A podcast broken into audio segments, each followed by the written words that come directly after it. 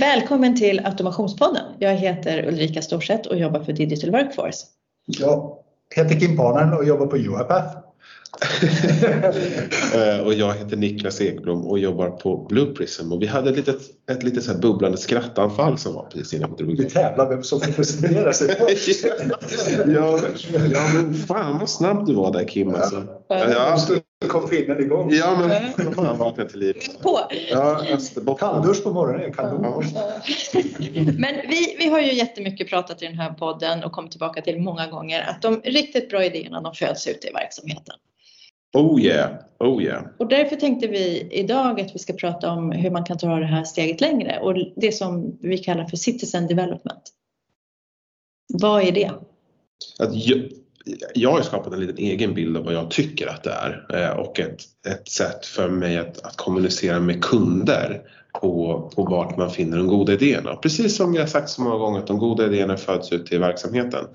Men, men det är inte alltid självklart när man pratar med kunden att liksom det ger, ger, man får den möjligheten helt enkelt.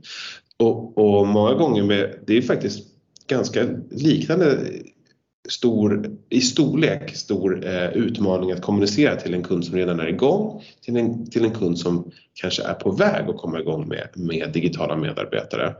Eh, så att en kund som är igång, där försöker ju från mitt perspektiv, där försöker jag ju se till att, att så många som möjligt får chans att testa och prova och labba med produkten. Eh, och, och bara liksom bara prova runt därför att återigen, den bra idén föds inte alltid i toppen på bolaget, den föds långt ner. Mm. Så citizen development är ju egentligen att eh, de här automationerna byggs ute i verksamheten av de som sitter med de här verksamhetsprocesserna och inte av konsulter eller utvecklare på Center of Excellence. Exakt, Mm. exakt. Nej, för det kan ju vara deras dagliga som någon känner att det här är någonting som jag skulle kunna effektivisera. Och Jag har ett teknikintresse, jag tycker verktyget fungerar för mig att kunna göra någonting. Vi har kört några sådana workshops och vi ser ju effekten av det här att vissa är ju mm, sådär intresserade och så har man de här som verkligen Wow, det här kan jag ju använda det. För det här är ju inte utvecklare, det här är ju, de har Nej, inte läst programmering. Nej, men vi är ju väldigt olika. Men vi är olika intresserade av, alltså frågar du någon person så vad har du för telefon? Ja, en smartphone. Och sen frågar du någon så får du liksom hela harangen och vilken firmware de kör. Det är liksom, vi har ett olika intresse, brinnande intresse i teknik. Verkligen, absolut. Och det där man, man, hör, man hör och ser på olika individer när poletten trillar ner. Mm. Och det ena är väl inte mer rätt än det andra, men med, tittar man på, på Citizen Development så, och så jämför vi det Kim med, med UiPaths utveckling av er plattform och med Blue Prisms utveckling av, av vår plattform. På BP pratar vi ju väldigt mycket om low code. Eh, och anledningen för varför low code är intressant det är ju just för att det blir lättare att förverkliga sin idé. Har ni sett den här bilden eh, när man, eh, som illustrerar en viskningslek och hur ryktesspridning går till? Att Mm. någon liksom viskar en fyrkant i första personens öra Mm. och sen sex personer senare kommer ut som någon sorts Elefant. elefant på andra änden. Ja. Och samma, sätt, samma sak är det ju också när man pratar om utveckling av, av eh, en process eller en automation, en idé, en app, you name it. Där är det ju så att om en person har en bra idé, vänder sig till någon som lyssnar, så här, ah, okej absolut, jag kastar in det i min prioordning, gör lite slarviga anteckningar, dricker lite kaffe, hämtar på dagis och så vidare. Och sen väl två veckor senare när man sätter- ska bygga på det där eh, och man vänder sig till, till källan igen och frågar, var det här din vision? Så bara, nej, inte alls överhuvudtaget. Så att citizen development hänger ju väldigt mycket ihop med att förverkliga idén så tidigt som möjligt i förhållande till den som kom på idén. Och att man ska kunna göra det själv.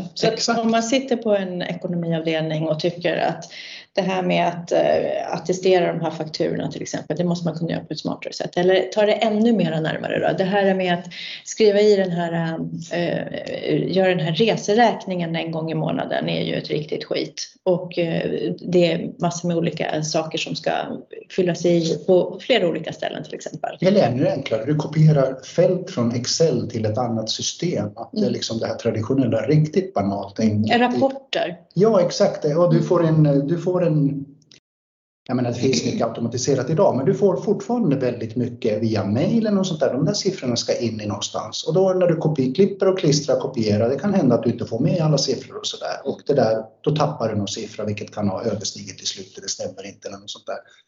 Men just den där typen av repetitiva uppgifter som de gör. Riktigt små. Ja. Jag, jag brukar ofta prata när jag pratar med kunder att RPA tar ju liksom svansen av de här integrationsprojekten. Alltså när integration blir för stort och för dyrt och tar för lång tid, då kommer RPA in och är ett jättebra verktyg. Och Citizen Development här, det är ju klart att det är fortfarande RPA, men det tar ju lite så här svansen utav RPA-projekten. Alltså att de blir, liksom, de blir små, de blir väldigt så nära, de blir specifika, de Ja, men det är väl lite grann varför Microsoft har kanske gett sig in i den här leken också. Mm. Dels finns det väldigt mycket pengar som Niklas och jag kanske, våra bolag har varit duktiga på och tjänat och upptäckt. Och det, sen så ser man att inom Office då, alltså Office 365 och alla de här, det är ju en extremt välanvänd plattform idag. För nu är vi på desktopnivå. Desktopnivå, absolut. Och det, är liksom, det här är inte någon bakgrundsautomatisering, Nej, nej, nej, nej. traditionell... eh, Utan nu är vi på- Nej, men det är jag sitter med dagligen. Jag får en Excel och ska rapportera några siffror eller hämta från Salesforce och så vidare.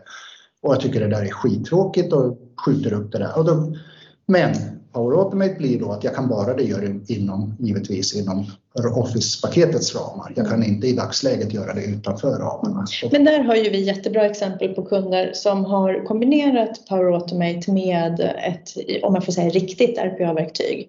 I det här fallet så är det en återförsäljare som har byggt en Power Automate-app till återförsäljarna när de knappar in den här informationen som ska knappas in. Och sen så tar RPA-verktyget emot det och sen så lägger in det i, i deras interna system. ljuvligt exempel på, på jag, menar, en, jag får ofta frågan så här, någon, någon IT-gurka sitter med armarna i kors och bara "Ja, jag jämför ner med Power Automate. Bara, ja, grejen, det handlar liksom inte om att så här, gå clinch med utan det handlar om Nej. här, vad kan man stödja varandra. Ja. Och där är ju så att ja, det är klart att det finns, men tittar man på Power Automate och man tittar på liksom desktop-automation så eh, jag, jag träffade en, en, en chipstillverkare för ett tag sedan. Eh, där, där var en person som varit inne och pillat i deras ingredienssystem. Eh, och det här är ett typexempel på när, när automation går tokigt. Hux flux så hade vederbörande klippt in en nolla till Mm. eh, av misstag för att han copy, ja, copy-pastat på selleri eh, i dillchips. Gud vad gott! Ja, eller hur? Ja, ja, ja. ja, ja. Jag hade i och för sig blivit djupt besviken in i själen eh, om jag hade öppnat min dillchipspåse och den fan smakar selleri. Så de hade hux flux 15 ton kirre som skulle smaka dill men smaka liksom ehm, selleri. Och det här är ju då ett läge där det är så här, okej. eh, Personligen så, så tycker jag så här att Power Automate är en, skit, en skitbra plattform i kombination med oss. Det sätter ju ett, ett det appifierar ju Precis. eh, våra automationer. Ja. Och det här är ju nästa steg som personligen, eh, liksom, det, jag kanske har kollegor som tycker annorlunda men jag själv tycker att det är ascoolt alltså. Nej men det här kommer ju att hända för att vi lever ju i en appvärld. Sen dess att vi har börjat med de här smartphones. Herregud, alla vill ju att man ska ladda ner en app. Man blir ju galen. Men på något sätt så är det lätt att förhålla sig till. Och istället för att skriva de här liksom ostrukturerade mejlen med den här informationen som blir fel och saknas eller vad det nu är så blir det så här, okej, vi bygger en liten app och så får de göra det. Och sen så kan man ta det det. är precis i början egentligen. De här, inom ett år har ju de här low code, no code på det sättet. Vissa kommer säga att det har funnits länge, absolut. Men det är ju först nu det här börjar rullas ut i versioner där man kan hantera det. Så det kommer ju bli ännu enklare att använda. Så att vi kommer förutsätta att det går att göra sådana saker så småningom. Vi kommer inte ens fundera på det. Men om man tänker så här, för hela poängen är ju att verksamheten ska kunna göra det här själv. Man ska inte behöva utvecklare, man ska inte behöva RPA-konsult, man ska inte behöva ha gått så mycket utbildning på det här. Men alltså om man tänker så här, Berit och Birgitta på ekonomiavdelningen, 60 plus, kan de göra det här?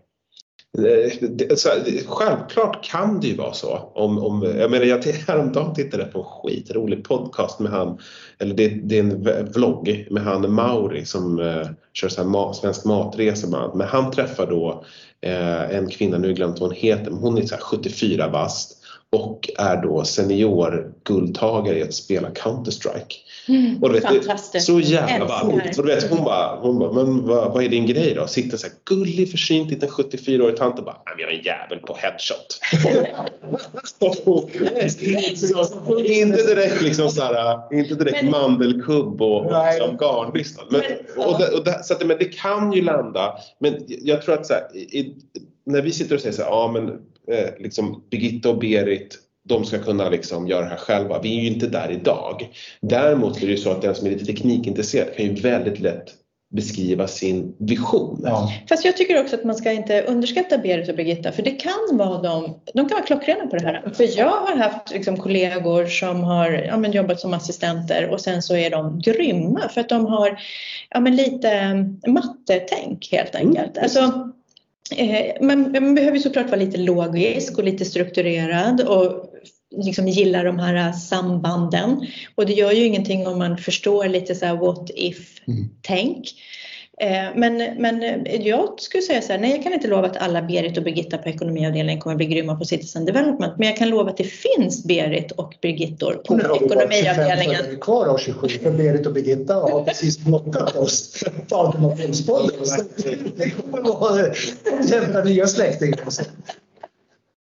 Nej, men lite grann tillbaka till det här också. Det kommer garanterat vara, men jag tycker fortfarande att verktygen är i sitt tidigt skede. Ja. Så desto mer utveckling kommer det kommer vara så enkelt att göra det här. Liksom, det kommer finnas guide när du trycker next, next, next och så är det klart. Ja, och Så att du machine behöver learning. kan tänka på egentligen vad är det du vill göra så kommer den förut. Alltså, Exakt. tanken är ju, man tittar på nya versioner som vi har också, den förutser ju vad du vill göra vilket gör att den först föreslår ju nästa steg till 99% med hjälp av AI som integreras Ja. i det här. Så att den känner jag av vad du är på väg att göra och så kommer det liksom föreslå så att det kommer bli mycket, mycket enklare. Så det det. Men om vi tar nästa puck i det här då, och då är det förvaltningen. För att vi vill ju inte att det ska vara så här att det sitter 100 pers ute i en verksamhet som gör 100 olika versioner av hur de ska göra sina eh, reseräkningar. Men jag brukar jämföra det här lite grann alltså i Excel så byggde du dina makros. Mm. Om du är en desktop-automatisering så kommer du bygga dina egna automationer som, är din som du du har rättigheter inom din desktop. Sen om man säger att en kod är väldigt fantastisk där man kan anamma de här idéerna internt i organisationen så att den kan anpassas från COE till andra användare. Då tycker jag man ska föreslå, och där har vi de här champions där ute som hjälper till att liksom komma ut Eh, med den typen av idéer. Däremot så tror jag vi kommer ha det här. Och så länge ramarna är satta att det inte kan störa verksamheten, att man inte får en selleri chips istället för att beställa dill, då är det helt okej att om du kan sätta sådana ramar inom det här. Men om det är inom din lilla Office eh, desk eller vad det nu är, eller integration mellan två andra system, så då är det fine. Men så länge du inte kan skada något, där tror jag man är idag. idag. Det är liksom inte riktigt 100% vattensäkert idag, vilket gör att det skapar lite frustration för att Eller det kan, nästa- där kan det gå wild and crazy. Lite. Ja, det kan gå wild and crazy och eh, ta- tanken är ju inte att vi ska sitta och pitcha gentemot varandra på Nej. vänster och det är inte det jag tänker göra nu heller. Men, men eh, våra teknologier har ju valt olika vägar. Ja. Men det jag gillar med din anteckning det är att du skriver en pil där med UiPath uppåt. Det var hjärtat som saknades. Du kan få ett litet hjärta här faktiskt. Åh. Jag menar så här, man håller sina, Också. håller sina fiender närmast. Ja. Nej men, men skämt åsido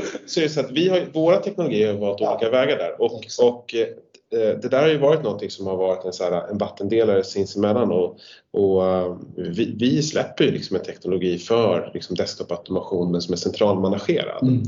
Eh, och eh, fr- framöver så tror jag liksom det du nämner, jag menar för 10 år sedan när vi skrev sms då hade man liksom en så här, eller 15 år sedan hade man en så här knackig jävla Doro-telefon så bara fick man så trycka på tvåan 15 gånger för att komma till C. Mm. Idag så liksom, då, du vet, då, den skriver ju ordet redan innan du liksom har hunnit börja. Mm. Och så där ser det ju ut med automationsläget redan nu. Kommer det mer och mer så framöver. Och dessutom så tycker jag så här att, att Berit och Birgitta, de har ju någonting som en erfarenhet troligtvis från livet generellt och det är att inte åter, återvinna hjulet hela Ja. tiden.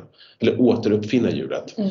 Eh, Så där tror jag liksom att återvinning kommer att bli ännu mer större. För jag menar att handen på hjärtat, av de kunderna vi har idag, hur många av dem använder sig på riktigt av av andra kunders eh, automationskartor. Väldigt ovanligt. Jag har ju en del kunder som samarbetar Ja. såklart. Men, men Men i den grad som det är möjligt och den tiden skulle kunna sparas. ja, ja, nej, nej, inte i den utsträckningen som man skulle önska. Det är Jämför nästan legal, brottsligt. Ja, alltså, jag- jag, att inte göra det. Ja. I alla fall inom myndighetsvärlden. ja, verkligen, verkligen. Och jäm, samverkan på det sättet. jämför jag med mina, när jag träffar mina kollegor ute i världen eh, med länder som har kommit längre. Mm. Du vet, alltså, det är en helt annan grej. Ja. Eh, att liksom så här, varför ska vi sitta och skriva den här processen från scratch? Vi kan lika gärna söka på DX efter bla bla bla bla bla. Och så finns det någon som har integrationerna och kartan färdig. Och importera skiten. ja, Mm. mycket mer. Absolut. servicevärdet. Ja, absolut. Nej, men lysande. Men helt klart, vi kommer se mer citizen development framöver. Det Perfekt. tror jag definitivt. Och det är mognadsgrad också i organisationen. Mm. Det är ju det. Ja. Resan har bara börjat. Och med det sagt så akta er för sellerichipsen där ute. De ligger disguisade i dillpåsen. Om, om man köper dillchips som smakar väldigt mycket selleri, då vet man. Ja, då vet man. Då vet man. Tack för idag. Tack!